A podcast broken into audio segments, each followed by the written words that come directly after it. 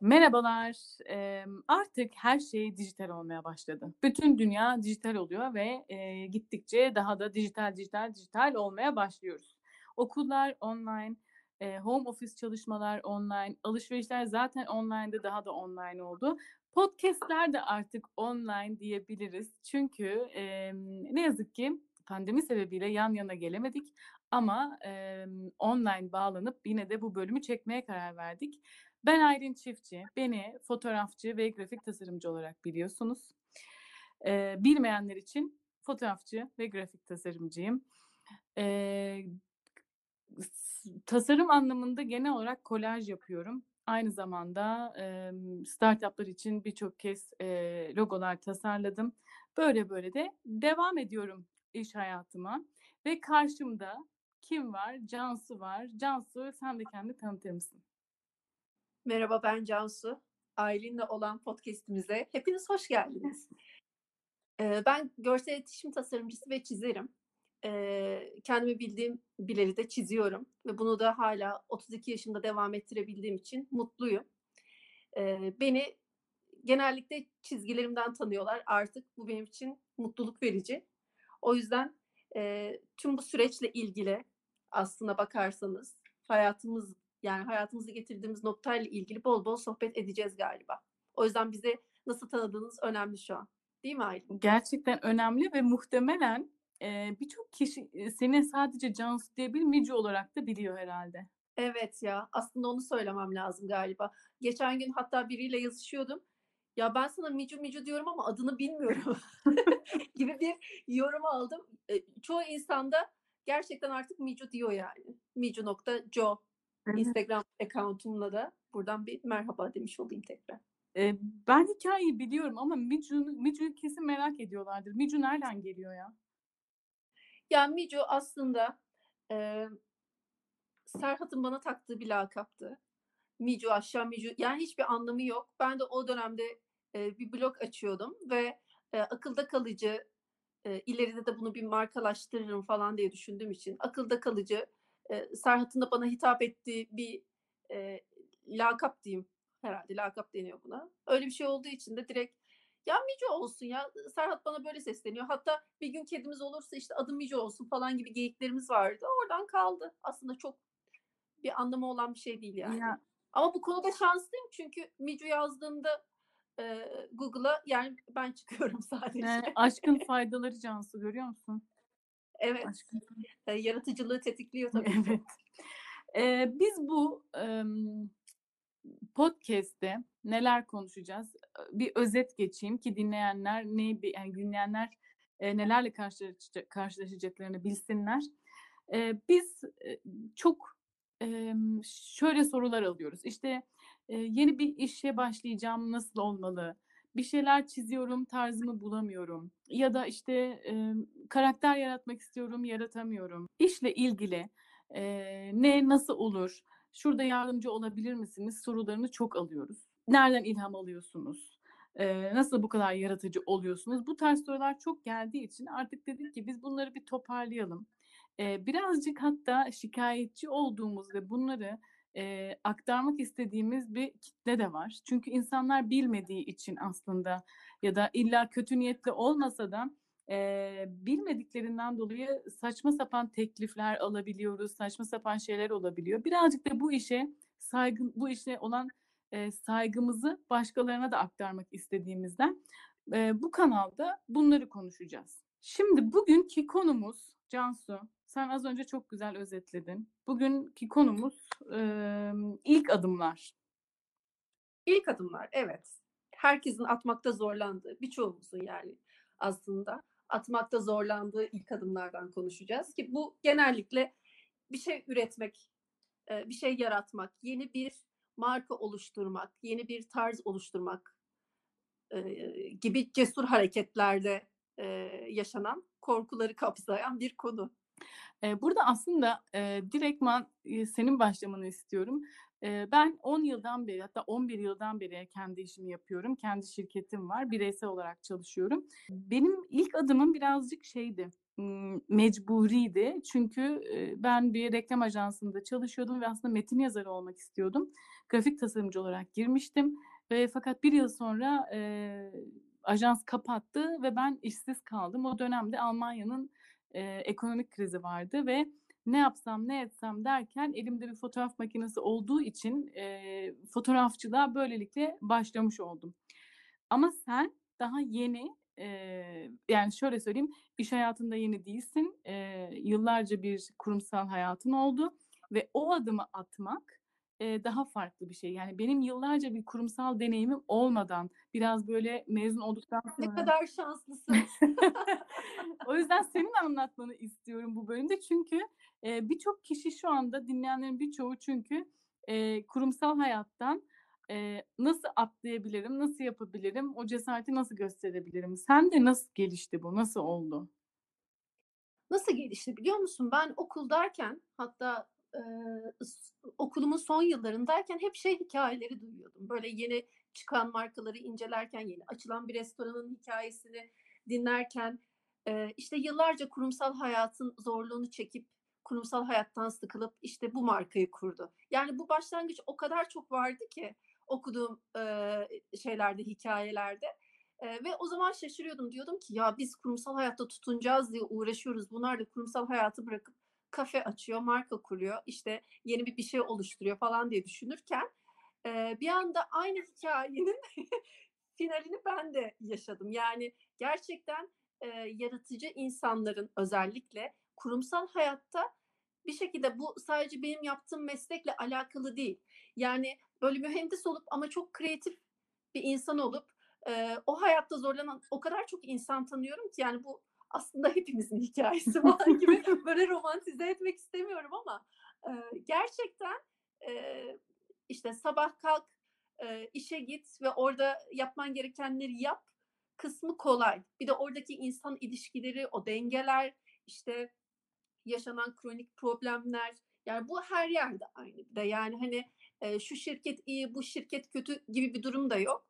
Bu sistemin çarkları böyle işlediği için ve ben de işte 1 yıl önce, çalıştığım, iş yerinden istifa ettim ve artık, başka bir kafaya girmek istedim ama hemen o kafaya da giremiyorsun. İşin kötü yanı o. Yani o kadar alışıyorsun ki o sistemle çalışmaya, o hayata.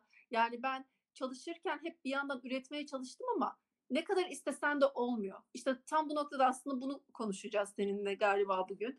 Yani yaratım süreci sancılı bir şey. Yeni bir şey oluşturmak, tekrar kendini toparlamak. Yani benim üniversitede bir hocam vardı, derdi ki, yani yaratabilmek için deponun dolu olması lazım. Yani bir araba gibisin yani. Hani gidebilmek için, yol alabilmek için işte, eee, kendini beslemen lazım. İşte kimi seyahat ederek besleniyor, kimi film izliyor, bir kitap okuyor, eee, bir belgesel izliyor, bir bir şey yani hani ya da sadece, eee, hayatı dolu dolu yaşadığı için, insanlarla çok görüştüğü için üretiyor. Yani bu baktığın zaman geçmişte yaratıcı tüm insanlar yani şair, yazar, işte müzik yapan vs. hani, eee, genelde bir şeylerden beslenip o besin kaynağını kendi vücudunda bir şekilde çalıştırıp, eee, başka bir üretime dönüştürmen hı. Hı gerekiyor. hı. O yüzden benim de 1 yılımı aldı diyebiliriz yani bu süreç, kendimi toparlama süreci. Eee Bu süreçte de bayağı seninle diyalog hâlindeydik. Hastalıklı bir şekilde evet. Yani şöyle, emm, ben tabii evet, eee, 11 yıldan beri fotoğrafçılık yapıyorum. Eee, fakat bende de şöyle bir şey oldu. Ben, eee, 10 yıl öncesine kadar, eee, çok yoğun bir şekilde kolaj yapıyordum, resim yapıyordum. Yani kalem de hep elimdeydi. Fakat, eee, işin içine fotoğrafçılık girince ister istemez, hani, senin de dediğin gibi 2 işe aynı bir şekilde yoğunlaşamıyorsun.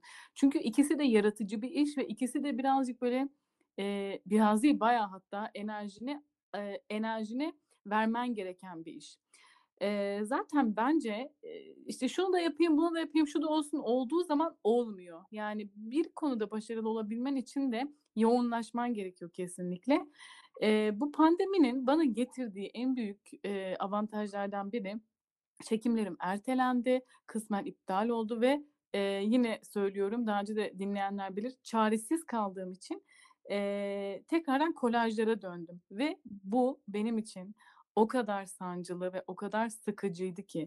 Bir yandan zevk alıyorum ama bir yandan da şunu fark ediyorsun: Ben çizmeyi, kolaj yapmayı unutmuşum.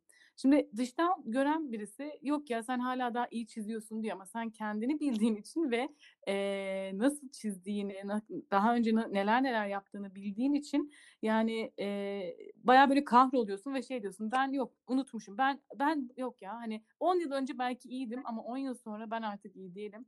Yani, ben kolaj yapamadım ya ilk 2-3 hafta. Hani, böyle bir şeyler kesiyorum, biçiyorum ve böyle, eee, sanki anaokulundaki çocuklar gibi saçma sapan şeyler çıktı. Eee, ve bu dönemde de, eee, az önce Cansu'nun da söylediği gibi sürekli iletişim hâlindeydik. Bir batırıyoruz kendimizi, bir tekrardan, "Yok ya, başarırız herhâlde. Aslında iyiyiz galiba biz." Eee, gibisinden konuşup tekrardan yukarı çıkıyorsun. İyiyiz ya, iyiyiz. Ertesi gün, "Abi bizden olmaz ya." Hani, gerçekten şey bir ruh hâli içi ama o zaman kim normaldi ki? Kim normal bir ruh hâli içindeydi yani? Yani, ben burada işimi kaybetmişim. Nasıl normal olabilirim yani? Ya, bırak insanlar ekmek yapa yapa bir hâl oldu yani. O dönem kimse normal değildi. Hani, ekmek, yoga ve Böyle bir şey daha vardı. Ekmek kitap okuma challenge, üçgeninde insanlar yaşıyordu yani. Evet, evet, doğru. Eee, o yüzden, yani, bu yaratma sürecinde, kendini bulma sürecinde, eee, insanlar böyle yani, şu o zaman şunu diyebilir miyiz? Eee, şuna kapılmak çok doğal. Ben beceriksizim, ben bu işi yapamıyorum. Eee, ya, benim bir tarzım yok. Herkes çok güzel şeyler yapıyor, ben hiçbir şey yapamıyorum. Bırakacağım ben bu işi. Bir bu böyle bir başlangıç, yani, daha doğrusu şöyle, başlangıç döngüsü şöyle: "Yok ya, ben yaparım çünkü ben yetenekliyim." Yapınca, "Yok ya, o kadar da yetenekli değilmişim." Ondan sonra tam böyle bir düşüş yaşıyorsun, eee, ve orada kavruyorsun zaten. Ondan sonra tekrardan bir çıkış yaşıyorsun. Hani, eee, sancılı olan kısmı bu mu? Ya, bence bir tasarımcı zaten, eee, yaptığı şeyden ve kendinden memnun olmamalı Aylin. Yani, memnun olduğun zaman o iyi volümü yakalayamıyorsun ki. Yaptığım olduculuk, ııı, bana göre değil. Yani, eee, yaptığım şeyi bir hafta sonra beğenmemem lazım. Yani, her ama tasarım işi içinde olan herkes için bence bu geçerli. Yani, eee, biraz bir memnuniyetsizlik olmalı ve bunu normal buluyorum. Ya, zaten tasarımcı, eee, sektöründe, tasarım sektöründe ya da yaratma sektöründe diyeyim, o da olabilir. Eee, kendinden memnun olduğun zaman işler iyiye gitmiyor. Yani, eee, çünkü bu hep böyle kendini, geliştiren bir şey ya. Hep böyle üstüne katlıyorsun, katlıyorsun ve teknolojik olarak da çok yenilik geldiğinden dolayı, sabit Sürekli ka update olman lazım ya. Tabii. Yani uzakta kalamazsın. Kalamazsın ve kaldığın an zaten bir şekilde kaybediyorsun. Hani, bu şöyle bir şey değil, eee, bir tarif gibi değil yani. Hani, bir tarifi öğrendim ve artık bu böyle giderim değil. Eee, tasarımcı olduğum zaman hiçbir şekilde, işte, ha, ben, dediğim gibi 10 yıl ara verdim ama, eee, döndüğüm zaman 10 yıl geriye, yani, o kadar, yani, 10 yıl boyunca köreltmedim bu konuyu. Hangi programlar var, hangi tasarımcılar var, ha bu şu anki, yani, 10 yıl öncekiyle şimdiki tasarımcılar neler yapıyor, nasıl değişime uğramış vs. bunlarda ben çok aktif kaldım, yani, hep takip ettim. Doyduğun zaman bir şeyler değişmesi gerekiyor ve değişmediği an ya sabit kalıyorsun ya da düşüşe geçiyorsun. Ve mutsuz oluyorsun. Ve mutsuz oluyorsun. yani. Mutsuzluktan ölüyor insan yani. Hani, eee, yeni bir şey olmalı, ye yeni bir, eee, deneyimleyip, öğrenip, bir üst, level'a atlama ihtiyacı, yani, çok fazla oluyor bizim gibi tiplerde, ve yetmiyor. Ama işin en kötü yanı da şu: İnsanlar, yaratıcılıkla ilgili, görsel sanatlarla ilgili konuşalım mesela. Çok basit çizdiğim bir şeyi, yani, işte, 2 dakikada çiziver ya. Hani, hadi bir de beni çiziversene gibi böyle ya da, işte, sana da geliyordur, hadi beni bir çekiversene gibi, böyle fotoğrafımı çeksene, işte, benim kolajımı yapsana gibi. Hani, insanların 2 dakikada, eee, çözümleniyormuş gibi gördüğü şeylere aslında bu kadar saatler kafa patlatmak, işte eee, nasıl diyeyim, sancı çekmek, yeni bir şey, eee, oluşturmak, işte, "Hadi bana, eee, şunu yapıversenecilik." Eee, ve bizim tüm bunun yanında, eee, ya, biz de başka mesleklerle ilgili pek çok şeyi kolaya indirge indirgiyoruzdur yani. Hani, insanları suçlamıyorum bu anlamda da. Eee, tüm bu sancının yanında bir de insanların bu işi acayip kolay gör görmesi, "Ya, ne var bunda, bunu ben de yaparım, eee, 2 dakikada yapıversene." tavrı, asıl şeyi doğuruyor, içindeki o fırtınayı doğuruyor yani. Bir de bunun kurumsal hayatta yaşadığını düşün falan filan yani. Kurumsal hayatta zaten şey, yani görevin o senin. Ne zannediyorsun? Ya, Yani. görevin de, işte, yaratıcılık, çok göreve tabi de bir şey değil ya aslında. Değil ama evet, onu patrona anlatmak Ve ayrı ben bir konu. tekstil grafiği yapıyordum. Yani, hani, tekstil grafiğinde, işte, sürekli tarz değişiyor. Mesela benim belli bir çizim tarzım var diyelim ama, işte, bir yıl, işte, rock band böyle, eee, tişörtleri popüler. Eee, ertesi yıl, işte, aşırı çocuksu çizimler popüler. Bir sonraki yıl, yıl bile değil, sezon hatta, işte, Hı hı. aşırı, realistik şeyler popüler. Sallıyorum şu an tamamen ve sen hep bütün bu kalıplara girmeye çalışıyorsun tasarımcı olarak. Yani, o noktada aslında yaratıcılığı ve sanatçı ruhu bir kenara itip daha profesyonel düşünüp daha hızlı ve daha az nitelikli şeyler üretmenin peşinde oluyorsun. E, bu da insanı zaten, eee, körelten diye başka bir şey yani. Sende de Evet. oluyor mu mesela fotoğraf efektlerinde mesela böyle standarda bağladığın fotoğraf efektleri, işte, "Bu efekt beğeniliyor, bari ben de bunu kullanayım." demek zorunda kaldığın? Eee, yok, ben onu hiç yapmıyorum, yapmadım. Mesela şu an, eee, çok böyle sarı, turuncu filtreleri, kahverengi filtreleri çok çok çok revaçta. Ben yapmıyorum. Eee, birazcık ama tabii ki, eee, ufaktan değiştiriyorum. Ben şöyle düşünüyorum çünkü özellikle fotoğrafta şöyle bir durum var, düğün fotoğraflarında.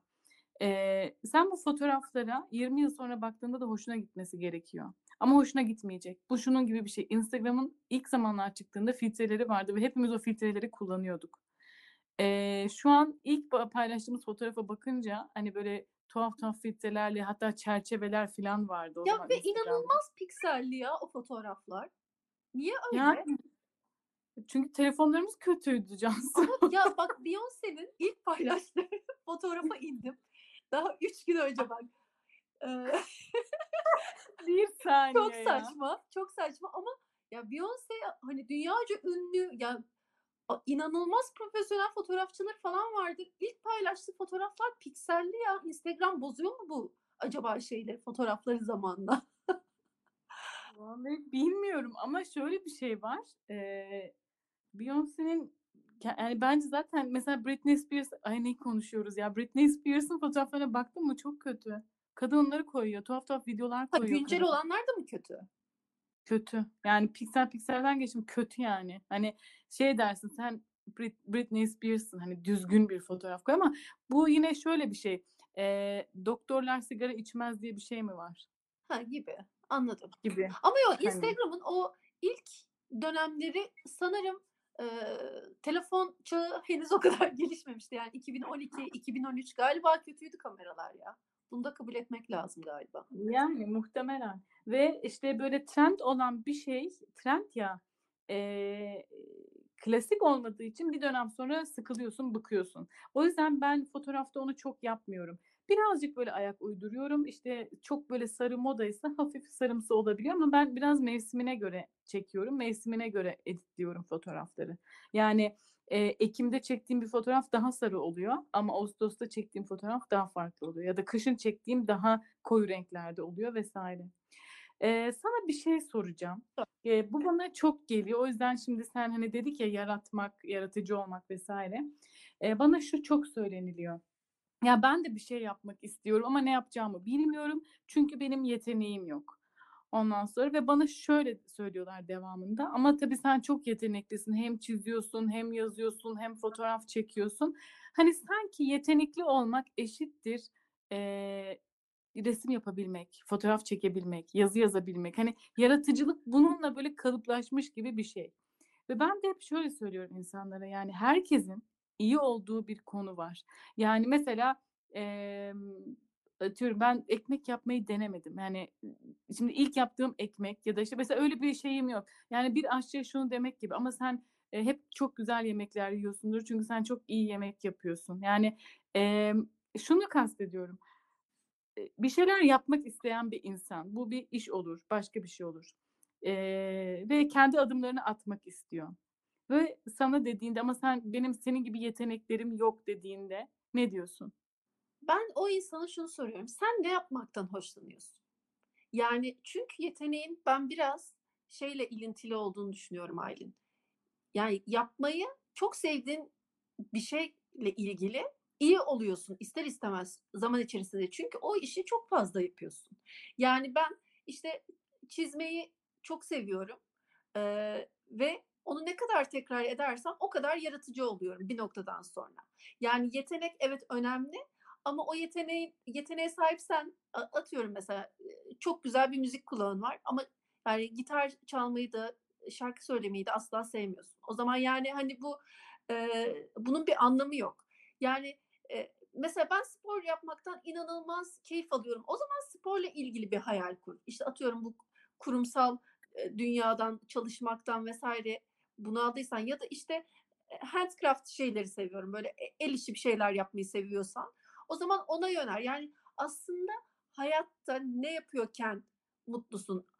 Eee, sosyal medya bu anlamda insanları, eee, insanların bu yönünü açtı. Seyahat etmeyi seven, işte, seyahatini anlatıyor. İşte, eee, bir şeyler üretmeyi seven, bu şey anlamda üretmek dediğim, içerik üretmek konusunda içerik üretiyor. Çizim yapmak isteyen çiziyor. Eee, ticaret yapma ticareti seven insan da bak iyi ticaret yapar. O da bir yetenek mesela. Yani bunu sanatsal boyuta indirgemeyip genel konuşacak olursak, yani genelde ya ben de bir şeyler yapmak istiyorum ama sence benden ne olur? Çok kişisel bir soru. Ya sen ne ne yapmayı seviyorsun? Hani, dedin ya, sosyal medya bizi bu konuda çok, eee, yardımcı oldu, vizyonumuzu genişletti ama bence bir yandan da çok büyük kısıtlamalar getirdi. Eee, çünkü ş kıyas olmaya başladı. Yani kıyas derken bunu ben de yapıyorum. Eee, ben mesela bir şeyi başladığım zaman bir projeye sosyal medyadan çıkıyorum, bakmıyorum. Çünkü baktıkça şöyle oluyorum, bu böyle yapmış, şu şöyle yapmış. Hani, sanki herkes bir şey yapıyor ve ben yapmıyormuşum gibi. İnsanlarda şu oluşmaya başladı, yani şu düşünce oluşmaya başladı: Ben neden bir şey yapmıyorum? Hâlbuki belki görmese o kadar da rahatsız olmayacak. Hani, şunu kastediyorum, acaba sosyal medya birazcık da gereksiz dürtülerde bulunuyor mu? Ya bulunsun, hiçbir şey yap yapılmamasından iyidir. Ama şöyle, o kişi zaten bir şey yapamıyor, anlatabiliyor muyum? Hani, eee, zaten yapamıyor ama yapması gerekiyormuş hissine kapılıyor ve yaptığı şey de bir şeye benzemiyor böylelikle. Çok acımasız oldun. Yani herkes bir şey yapmak zorunda değil. Değil, değil, Değil. evet. Yani, ya biraz şey diyebilir miyiz? "Ya salın abi biraz kendinizi. Sen de bir şey üretmesen de olur." diyebilir miyiz insanlar için yani? Sen de dur mesela yani. Sen de üretme. Herkes yeterince üretiyor. Sen üretmesen de olur diyebilir miyiz?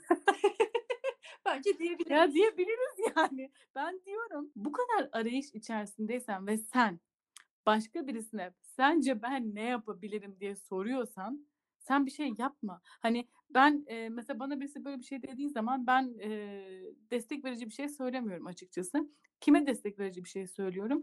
Birisi bana derse, "Aylin, benim şöyle şöyle hayalim var. Ben şunları şunları yapıyorum. Bu yoldan yürümek istiyorum." ya da, işte, eee, "Ya, benim aklıma bir şey geldi. Ben çok güzel, atıyorum, pasta yapabiliyorum. Eee, sence bu yoldan ilerleyeyim mi?" Hani, ama "Ya, ben de bir şeyler yapmak istiyorum ya." Muyum? Ben de çok şey yapmak istiyorum Cansu yani ama olmuyor. Yani şöyle diyebiliriz o zaman, bak acımasız olmayalım hadi. İlk daha programdan kalpler kırılmasın. Yani illa bir şeyler yapmak istiyorsanız arkadaşlar workshop'lara katılın mesela. İşte oradan, işte, seramik kursuna gidin, efendime söyleyeyim, ııı, kumaş boyama kursuna gidin. Eee, çok güzel kurslar, workshop'lar var. Onlara katılın. Bir bakın bakalım ne kadar bir şeyler yapmak istiyorsunuz gerçekten. Çok sinsi bir soru Sor soracağım. bakalım. Diyelim ki birisi ama yetenekli değil ama, eee, bir workshop'a katıldı ve diyelim ki bir resim workshop'una katıldı ve o resim workshop'undan sonra çizebildiğini zannediyor bu kişi. Yani workshop'a bir workshop'a katıldıktan sonra bu kişinin kendisini çizer veya sanatçı ilan edip satışlar yapmasını nasıl buluyorsun? Berbat buluyorum ya tabii ki. Yani gerçekten, eee, bu şey gibi, eee, popstar yarışmasına katılıp, eee, şey, kendini popstar zannetmek gibi bir şey bence yani. Hiç farkı yok. Ve o popstarlar da hep unutuluyor farkında Evet. mısın? İşte bu bahsettiğim Kim profiller de unutulacak zaten. Ya yapar, satar ama zaten buna gerçekten tutkuyla bağlı olmadığı için bir noktadan sonra da patlayacak yani. Buna inanmak istiyorum şu anda. Biraz da. Çünkü yani bu biraz böyle şey gibi geliyor bana. Köylü kurnazlığı derler ya böyle yani. Hı. gittim, yaptım, oldu. A, çok basitmiş. Yani, eee, bu kadar da değil yani. Eee, ürete üretemezse özellikle devamını da getiremezse zaten yani o anlık bir başarı gibi görünecek ve geçecek yani. Ve komik olacak. İşi bilen insanlar tarafından da komik görülecek yani. Eee, böyle bir şey başına gelse nasıl davranırdın? He. Hıh. Ya Hı çok olgun, eee, kalmaya çalışırdım ama yani hanımefendi çizgimden de çıkabilirdim. Kendime çok güvenmiyorum. Yani çünkü, eee, birilerinin de söylemesi lazım ya Aylin. Uyarması Hımm. lazım ya. Ya, acaba yapmasan mı? Bir kendine mi gelsen? Bu doğru bir yol değil ya da gerçekten niyetin ne diye yani o kişiye yaklaşıp belki de, eee, sormam gerekir. Bilmiyorum. Başıma da benzer bir şey geldi. Yaptığım çizimin bire bir aynısını böyle yapıp işte Instagram'ında paylaşmış kız. Eee, ve bana da sordu hangi boyaları kullanıyorsun, işte hangi kalemleri kullanıyorsun? Bir güzel ben de anlattım. Bire bir aynısını yapmış ve, eee, paylaşıp hiç beni etiketlememiş. Hani sanki tamamen kendi fikri, kendi düşüncesi, kendi tarzı gibi. Ama, eee, işte beni takip eden insanlarla onu takip eden insanlar, takdir eden insanların da profili farklı ya. Çok da sinirlenmemek gerekiyor bu noktada. Ya, evet, ben, eee, şunu fark ettim. Fotoğraf konusunda ya, zaten şimdi şey deme ya, ben taklit ediliyorum demek biraz tuhaf bir şey. Eee, ama, eee, bana hep böyle birkaç böyle fotoğraf gönderip, işte, çok bire bir benziyor, çok şöyle olmuş, işte, sen geçen hafta bunu çekmiştin, bu hafta o bunu çekmiş. Her nedense fotoğraf konusunda hiçbir şekilde beni rahatsız etmedi. Eee, bilmiyorum neden, neyle alakalı. Eee, belki de fotoğraf çekerken direktman bir fikir üretmediğim için. Yani, eee, evet, düşünüyorum, nasıl yapabilirim, nasıl olabilir? Eee, ama ben o anki doğal akışı kullandığım için, eee, birazcık da akıyorum. Ama bir şey tasarladığımda, bir kolaj tasarladığımda, bir yazı yazdığımda ya da, işte, nasıl diyeyim, böyle anamız ağlıyor gerçekten. Yani, böyle deliriyorsun. Bir şey o o senin basitçe gördüğün bir şey, eee, "A, çok güzel yapmış Aylin, çok güzel yapmış Cansu." dediğin bir şey için biz belki günlerce böyle sızlandık. Et ne günlercesi, haftalarca, aylarca ve sonrasında biri kalkıp, eee, dediği zaman, "Ya, ben senden esinlenerek şöyle şöyle yaptım." demesi, esinlenmek başka bir şey bu arada ama, eee, bire bir yani aynısı olduğunda hafiften bir sinirlerim bozuluyor açıkçası. Çünkü böyle bir şey yok. Yani çünkü evet, esinlenmekle kopyalamak farklı şeyler. Çünkü ya Evet. ya bir de az önce, eee, lafını bölmek istemedim ama şurada da, eee, araya gireyim. Dedin ya, "Fotoğraf çekerken sinirlenmiyorum." Sinirlenmiyorsun o kadar çünkü sebebi şu: Sen orada, eee, işte, o gün o insanların en mutlu anı ve onların o anısını görselleştiriyorsun, fotoğraflıyorsun ya. Ya biri taklit etse bile o başka birisinin anısı yine. Hani aynı kişileri Hı hı. alsa, çekse senin, eee, çektiğin tarza belki, işte, o zaman, hani, ayarlar kaçar. Ya bak, eee, bir şeyi sıfırdan yaratmak, eee, gerçekten çok zor. Çünkü ve vakit alıyor. Yani vakit alan bir şey. Çünkü kafanda önce tasarlıyorsun, bir dünya yaratıyorsun, bir bir şey hazırlıyorsun. E, insanlar her zaman bu zorluğu çekmek istemiyor. Bakıyor, kim neler yapmış, "A, bunu yapmak çok kolay." Mesela, işte, e en, eee, klişe örnektir ya, Pablo Picasso'nun resimleri çok basit. Hatta böyle, eee, lisede, eee, ortaokulda falan resim derslerinde de bö reprodüksiyon yapılacaksa herkes Picasso'nun eserlerini se seçmeye çalışır ki, işte, kübik, boyaması kolay vs. Eee, yapması çok kolay. E, o zaman yap sen de. Farklısını yap ama. Hani, yapamıyorsun. Hani, basit olan bir şeyi sıfırdan tasarlamak da zor yani. Bu bundan bahsetmeye çalışıyorum. Ama insanlar Hı ne yapıyor? hı. Hazır biri, eee, yap mesela benim çizim tarzım çocuksu ya biraz böyle hani, Hı pozitif hı. diyeyim. Çocuksu değil, eee, değil de böyle daha pozitif ve, eee, hatları basit çizimler. Eee, görüp onu bire bir yapmak tabii ki çok kolay. Yani zaten işin zor olan kısmı o dünyayı yaratmak, o tarzı kurgulamak. Yani bu şeye benziyor. Eee, yemek yapmak ya da internetten yemek sipariş vermek. Yani yemek yaparken nasıl bir sürece yayılıyor? İşte, eee, gidiyorsun kalemini seçiyorsun, boyanı seçiyorsun, renklerini seçiyorsun. Eee, işte sen kolaj malzemelerini seçiyorsun, fotoğrafları bir de, eee, gerektiği noktada kendin seçiyorsun. Yeri geliyor mesela benden birkaç parça bir şey, eee, istedin, o kadar mutlu oldum. İşte, "Cansu senin çizim tarzın bana uygun." dedin, istedim birkaç bir şey mesela, eee, o Hı hı. Eee, e, toparlıyorsun, ediyorsun, kurguluyorsun. E, kurgulanmışı bire bir kopyalamak çok tabii tabii ki basit yani. Ben bu tarz şeyleri düşünürken çok ikilemde kalıyorum. Eee, çünkü, tabii bazen böyle insanın egosuna ve gururuna dokunuyor. Diyorsun, "Ya, işte, ben uğraştım." falan filan. Sonra biraz geçmişe gidiyorsun, biraz tarihe bakıyorsun. Sen geçen gün bir sergiye gittin ve, eee, sergide ne gördün? Yani şöyle söyleyeceğim, tarih boyunca değişmeyen bir şey olmuş ve sonrasında diyorum ki, "Ulan Picasso bile bunu yaşadıysa" ya da Picasso değil aslında ama, eee, Picasso bile bunu yaptıysa, eee, sana ne oluyor? Şöyle ilk, eee, ilk önce şunu söyleyeyim. Eee, Arkas Sanat Urla, eee, oraya gittim, oradaki sergiye gittim. İzmirliler gitsin yani bizi dinleyen aramızda İzmirli varsa muhakkak gitsin. Eee, randevuyla gidiliyor. Bunun da bilgisini vereyim. Madem sanat severiz bunu da paylaşayım. Eee, oradaki sergide, eee, bir sürü ressam vardı. Kimi işte Dadaizm'in öncüsü, kimi küb kübizmi başlatmış, kimi işte bir sürü akımı, eee, başlatan insanın ismini bilmiyormuşum ben.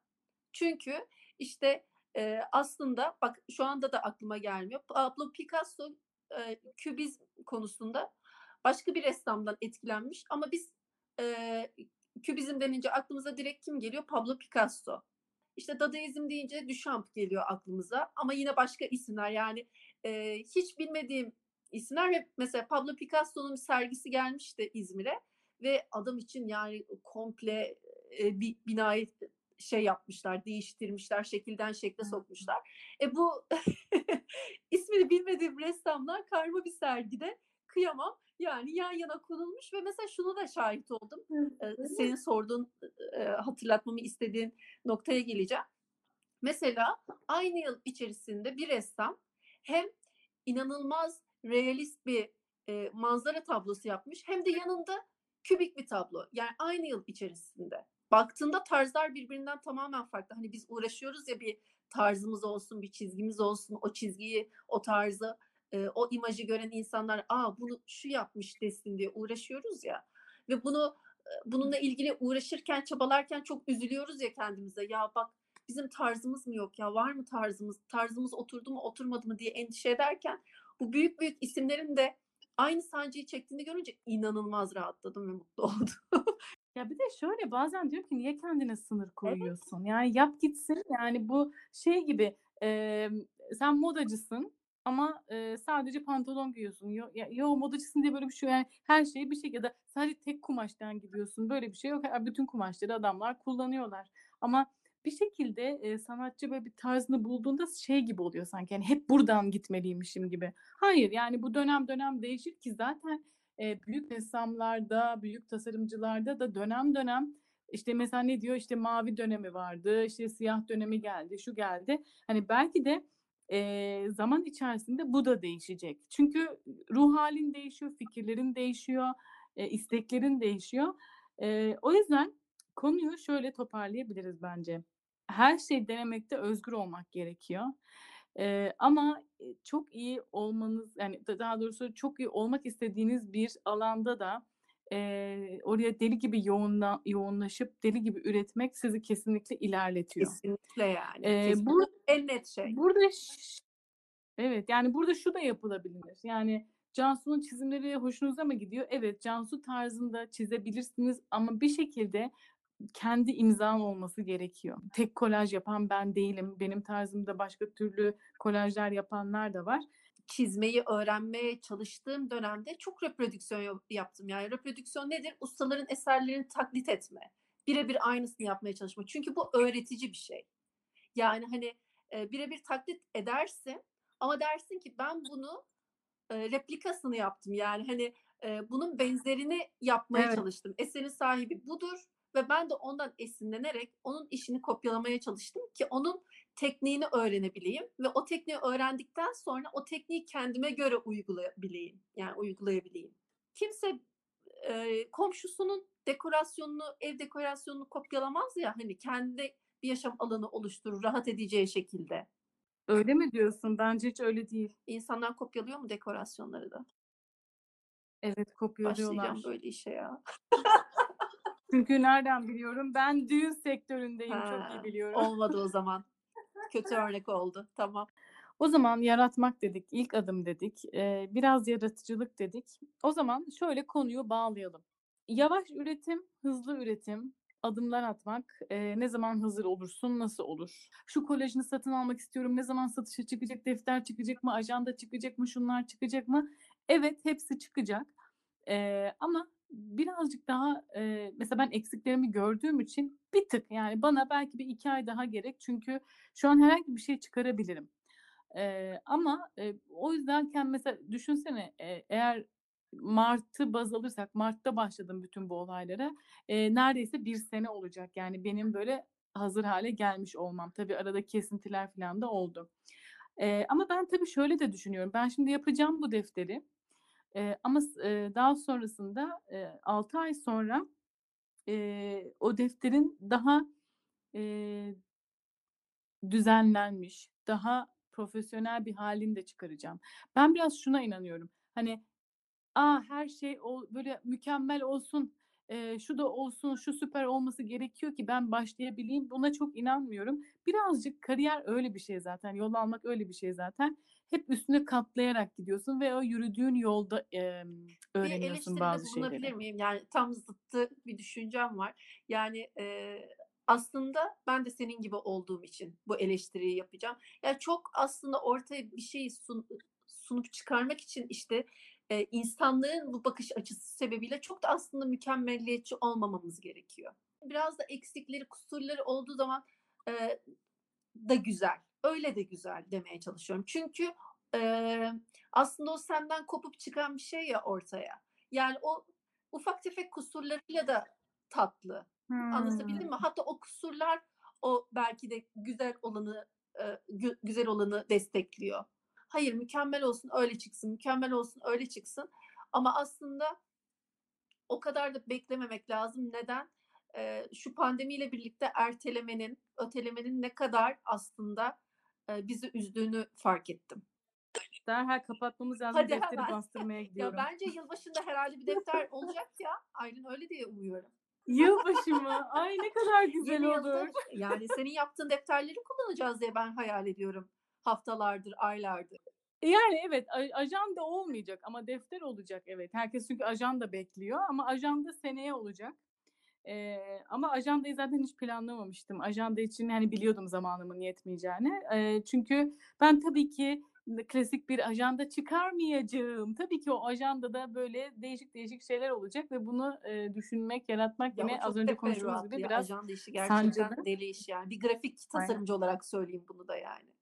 Tabii, hani, şey benim şöyle bir, hani, şöyle bir ajanda beklemeyin benden. Düz bir kapak, üzerinde 2021 yazan, ondan sonra sayfaları, işte, tarihler olan, hani, sadece bu değil, yani, ben aklımda başka şeyler var ama defter çıkacak. Yani seneye 2021'in, eee, artık, eee, 2021, 2020'den daha da kötü oldu gibi günlükler mi yazarsınız ya da, eee, işte, ne bileyim, 2021 daha iyi oldu diye mi yazarsınız, notlarınızı alırsınız, çizimler mi Evet yaparsınız sevgili orası size dinleyenler, Aylin. Çiftçi'den 2021'de ajanda çıkarıyorum sözünü de aldık ve bunu asla kesemezsin.